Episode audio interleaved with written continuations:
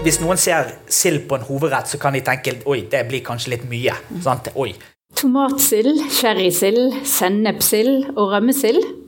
Mange forbinder det med jul. Men hvor blir det av sild og resten av året? har jeg spurt om. Men disse som sitter her og her oppe, som skal være med på denne podkasten, har allerede svart. Den er der. Det er bare vi som har svikta silda. Så hva skal til da for at vi skal få den tilbake til folket? Hvis det i det hele tatt er ønskelig.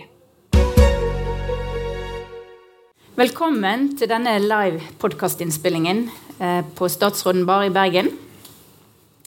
Og velkommen til min aller første gjest. Bjørn Djupevåg, konservator ved Fiskerimuseet. Jeg har gitt deg sånn to-tre minutter til å dra oss gjennom uh, Sildas historie. Ja. Så vær så god. Det er jo bare livsgrunnlaget til eh, det historiske Norge du snakker om, så tre minutter burde holde. Uh, det er en um, hvor skal jeg begynne, da? En, uh, silda er en pelagisk stimfisk. Uh, den, det vil si at den lever i flokk. Den lever i de ulike havlagene. Den kan gå så som, langt ned som 200 meter i sjøen, og den beveger seg over veldig store områder eh, i Norskehavet. Og den har tradisjonelt da kommet inn til eh, norskekysten for å gyte på eh, seinvinter og, og, vår.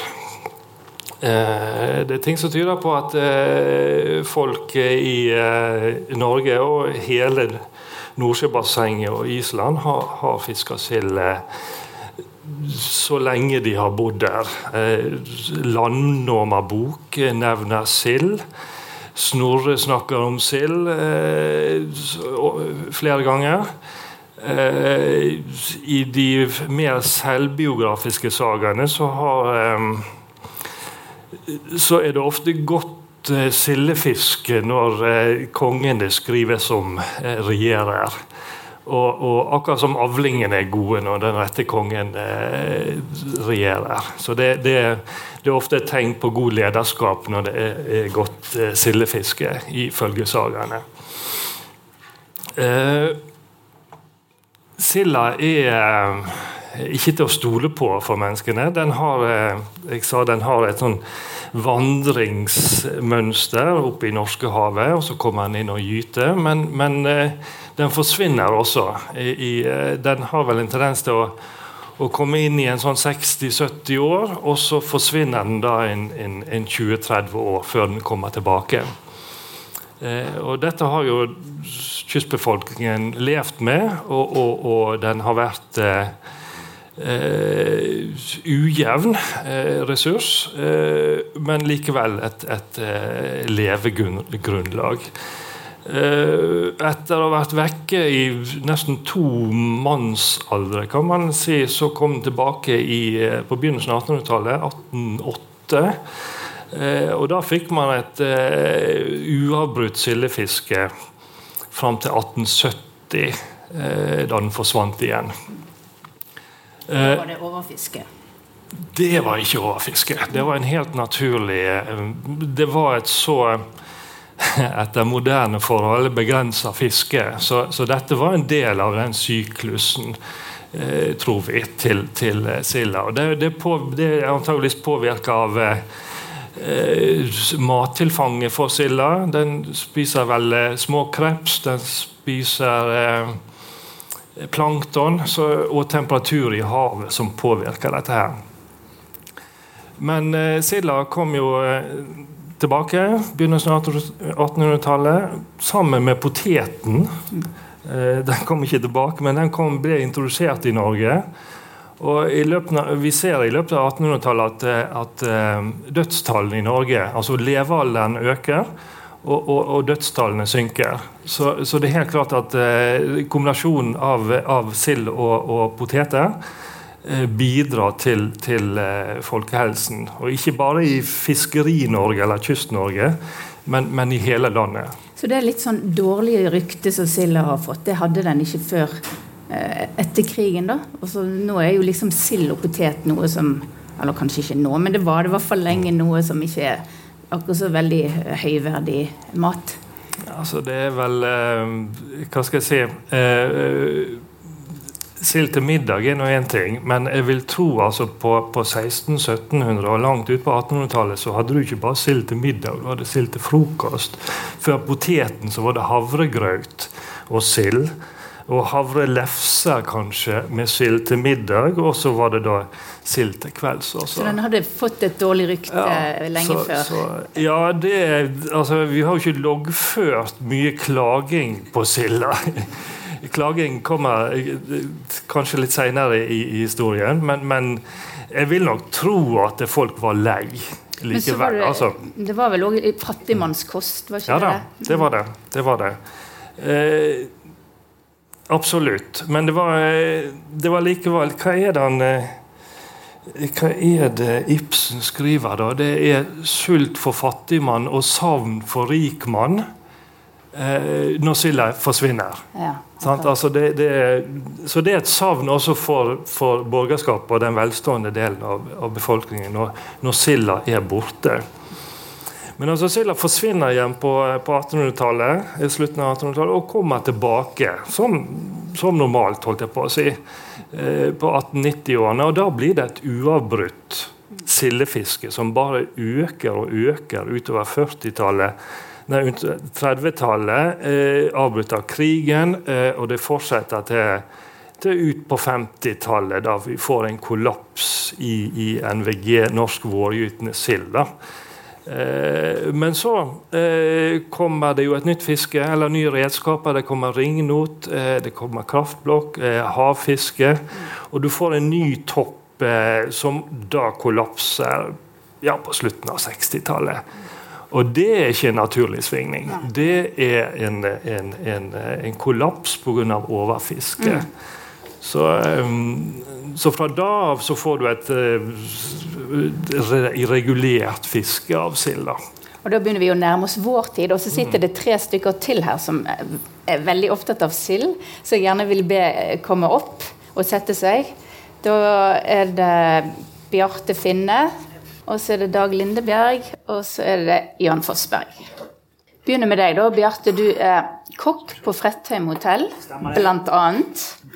Men så er du òg, sa du, en av tre sildeambassadører i Norge. Så hva er en sildeambassadør, Bjarte? Nei, det er jo et uh, godt spørsmål, egentlig. Jeg har vært sildeambassadør nesten i ti år nå. da. Så um, nei, det var jo et prosjekt som, uh, som uh, ble laget for en del år siden, da, sammen med det som var Sjømatsenteret, som nå er Matarena, da, med å få opp konsum av sild og prøve å få inn altså prøve å få selen tilbake igjen litt inn i restaurantbransjen da, og, og, se hvilke muligheter som var der. For det at vi var egentlig ikke så veldig vant til å bruke sild i restauranter på samme måte. Det ble gjerne brukt i, liksom, julebuffeer og den type ting.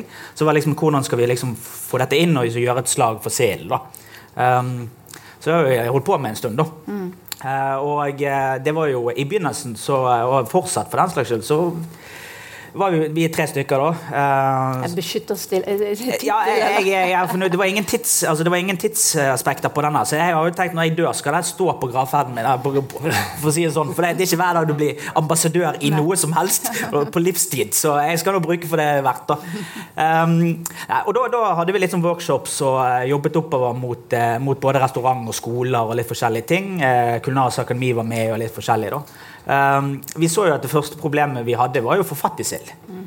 Uh, fersk sild. Altså lakesild og produktene altså, til dette var jo vi mulighet for fatt i, men å få fatt i fersk sild som vi kunne gjøre noe av, det var ganske vanskelig. Så jeg husker første gangen det skulle ha fiskemarked, uh, eller det var på mat, matfestival i Bergen, og da skulle vi ha sånn fiske... Nei, uh, sildeevent. da, og Der skulle vi ha masse forskjellig sild. da. Og så skulle jeg lage noen sildekaker og lage litt forskjellige typer sild, og så fikk jeg en nesten 30 kilo blokk med fryst sild. Og så tenkte jeg hva skal jeg gjøre med dette? For det, når det innerste er tint, det er jo det utenfor råtnet. Så det er jo greit nok. Sant? Og så ringte jeg til en fyr eh, til han som var da, eh, ansvarlig for kokkelandslaget. Han hadde kjørt en eh, demo og fått akkurat samme problemet. De hadde gått i andre etasje på en bygning og hevet det utenfor. Sånn at han skulle, falle fra hverandre, sånn at vi kunne tine han. da. Så ja. Du, det var egentlig en fin overgang til Dag Lindebjerg du, som mange her kjenner, går ut ifra som tidligere NRK-journalist og lagd masse TV-programmer om fisk og kysten vår, og bl.a. sild. For du kunne spurt han om du kunne få litt sild hos han, for du fisker jo sild. Ja, jeg har fisket sild hele mitt liv. Og eh, jeg har problemer med å se denne her voldsomme forandringene som har skjedd.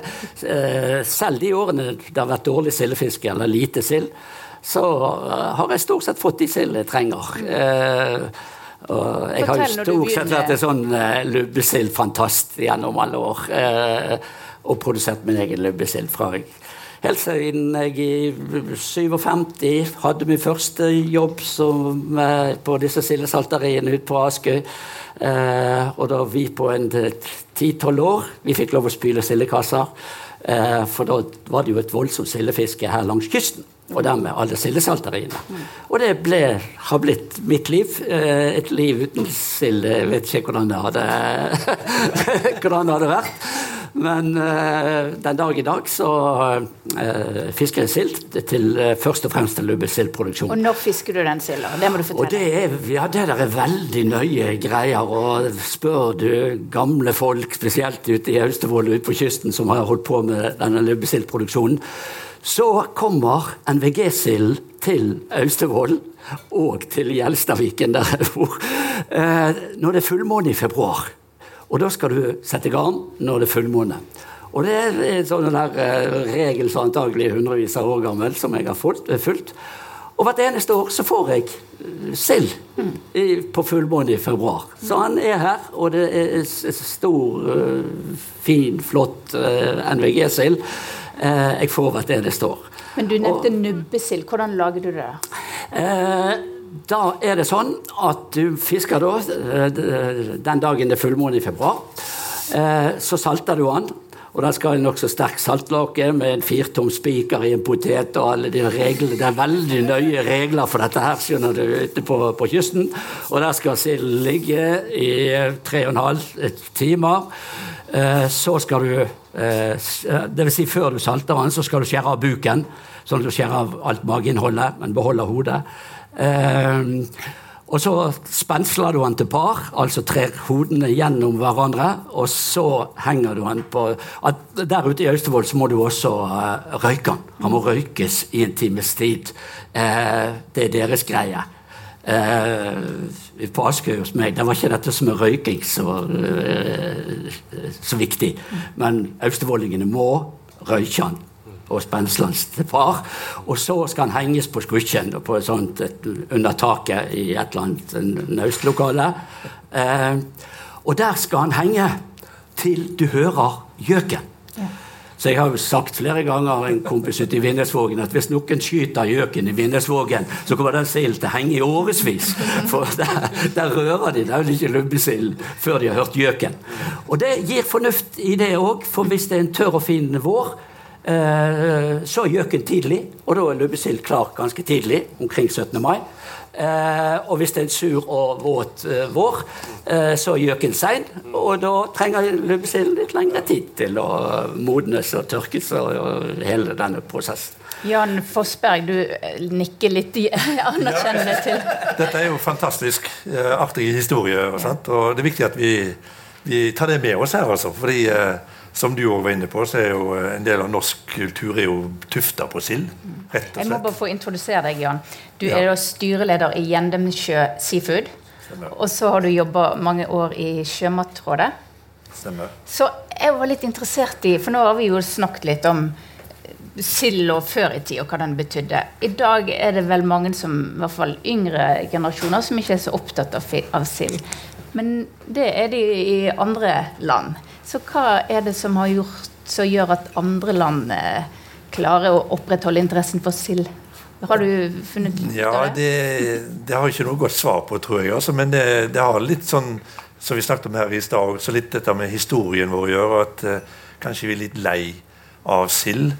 Eh, altså min foreldregenerasjon. Jeg opplevde jo etter en god del sild da jeg var en liten guttunge, jeg òg. Men, men, jeg er vel den siste generasjonen som er født litt på sild, kanskje.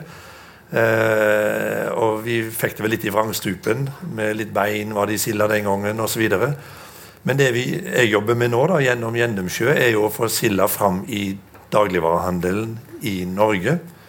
Og der får du jo sild uten bein. Eh, marinert i ulike, med ulike sauser og ulike fasonger. Og både i glass og, og marinert i pakker osv. Så, videre. så Så der får du et helt annet produkt enn det som vi hadde i min barndom, for å si det sånn, og i din barndom.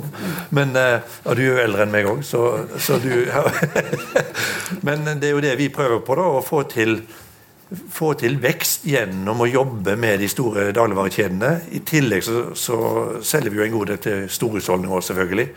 Men det blir mer sånn på tradisjonell måte i, i spann osv. I store to kilo spann osv. Men Bjarte, du som er kokk, er det nok tilgjengelig silda? Hva er det som stopper folk fra å kjøpe den? Har du Nei, altså det, det, er jo litt sånn hva man skal bruke det til. da. Det er jo litt det, da. Sant? Altså, eh, vi ser jo det at eh, altså, sild som er produsert i en eller annen form, det, det, det, er jo enkelt å få fatt i. Sant? Om det er i en form for lake eller eh, røykt eller dette. og så, så og, og, det ser vi at utgangspunktet også er sånn lett for folk til å like. Eh, det er heller mer enn hvis vi skal ha råstoff som vi vil gjerne behandle, så, så skaper det litt mer utfordringer. Um, det jo, men så, det er jo det at man kan jo gjøre mye med de eh, f.eks. sånn som matchasild og sånne ting som dette, som er jo også et veldig fint produkt som, som kan gjøres og brukes til veldig mye. Um, men blir det brukt?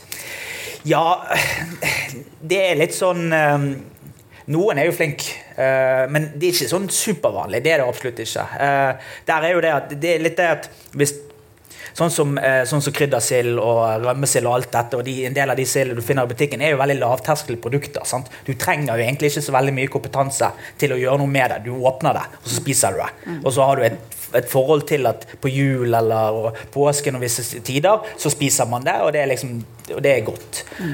Det er heller mer hvis du skal lage noe med det, som begynner å bli litt sånn komplisert for en del folk. For, for, de vet rett og slett ikke helt hva de skal gjøre med det. Og det gjelder også en del kokker. Det er ikke noe som, som, som oftest kommer inn i restaurantkjøkkenet. Har du noe status har sild i kokkemiljøet? Nei, altså, vi, vi som er eh, genuint interessert i sjømat, dette, vi er jo veldig glad i det. Eh, vi syns det er jo kanongodt. Og og mange som jeg kjenner, så bruker jeg det også i, i menyer og dette. Vi ser jo det at um, det er veldig, Vi må jo prøve å gjøre at det blir litt sånn lavterskel for folk til å på en måte bestille det. Så, så vi har jo, eller det vi pleier og jeg pleier å gjøre, er jo f.eks. å ha det på forretter og dette. Um, som gjør at det er litt sånn hvis noen ser sild på en hovedrett, så kan de tenke oi, det blir kanskje litt mye. Sant? Oi, hva skal vi gjøre med det? Eh, men hvis du ser i en forrett, for eksempel, og vi lager det med litt smaker som de kan kanskje identifisere og kjenne seg igjen med, men du gjør det kanskje på en litt ny og moderne måte. sant? Men da mister du sildesmaken, er mitt poeng. Hvor i dag kan folk f.eks. få kjøpt fersk sild til stekt sild eller avkokt sild? Så du ja, Jeg legger det i laurbærblader, men altså vanlig fersk sild. Hvor får folk få tak, tak i det? i Nei, det er veldig vanskelig. Og det er derfor sild som, som sild. Mm det er vekke. Det er riktig. Og det er en liten tragedie, syns jeg. Derfor fisker jeg den sjøl. ja, men det, det, var litt altså, Jeg sa vel tidligere at altså, fersk sild altså, er for spesielt interesserte. og jeg eh, jeg, jeg er sjøl østfolding, sønn av en fisker. Eh, men altså, jeg vet ikke hva jeg skulle gjort med fersk sild hvis jeg fikk den i hånden. Mm. Altså, Hva skulle jeg gjort? Altså, Min far lærte meg ikke å filetere engang. Altså, han var så lei av fiske. Så, så, ja, dette gjelder jo all fisk. Ja, det altså, gjelder all fisk. Jeg, jeg, jeg, tenker at i, i bunn og grunn så snakker vi snakker om en reintrodusering av av en tradisjon her. Altså, det, det, altså Når silda forsvant, eh, selv om det, altså, det var ikke så mye som gikk til konsum i det store fisket men altså, når den forsvant, så forsvant den av bevisstheten. Norge var en fiskerinasjon. Mm, eh, og når silda da kom tilbake, så var Norge blitt en oljenasjon. Ja. Altså, da ble silda eh, for spesielt interesserte. Og den, altså, jeg, har, jeg har feiret midtsommer i, i, i Skåne og sett de sildebordene der. Og du, det er helt utrolig. Altså. Mm. Det, og det er godt. Er det mulig å få det til igjen? Altså, få det tilbake. At, skal vi få folk til litt mer sild, så må vi gjøre den enda mer tilgjengelig. Altså Det vi kaller for convenient uh, på fagspråk. Mm. Si. Og det, det er å, å, få fram smaker eh, som, som, appellerer, og spesielt til den yngre generasjonen. Mm. Og det tror jeg vi kan gjøre med å utvikle det sporet vi er nå på, med å få nye varianter.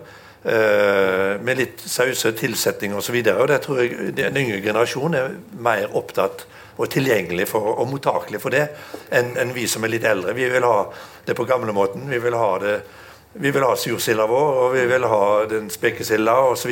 Men jeg tror den yngre generasjonen de vil ha noe annet. Hva kan det være, da? Nei, Jeg tror det er å, å, å gjøre eh, med andre smaker. Og der er det vi må spille på ball litt med kokkemiljøene. Sant? Få fram de gode eh, smakene hvor, hvor, eh, hvor silda er et, eh, en viktig ingrediens, da, eller råvare.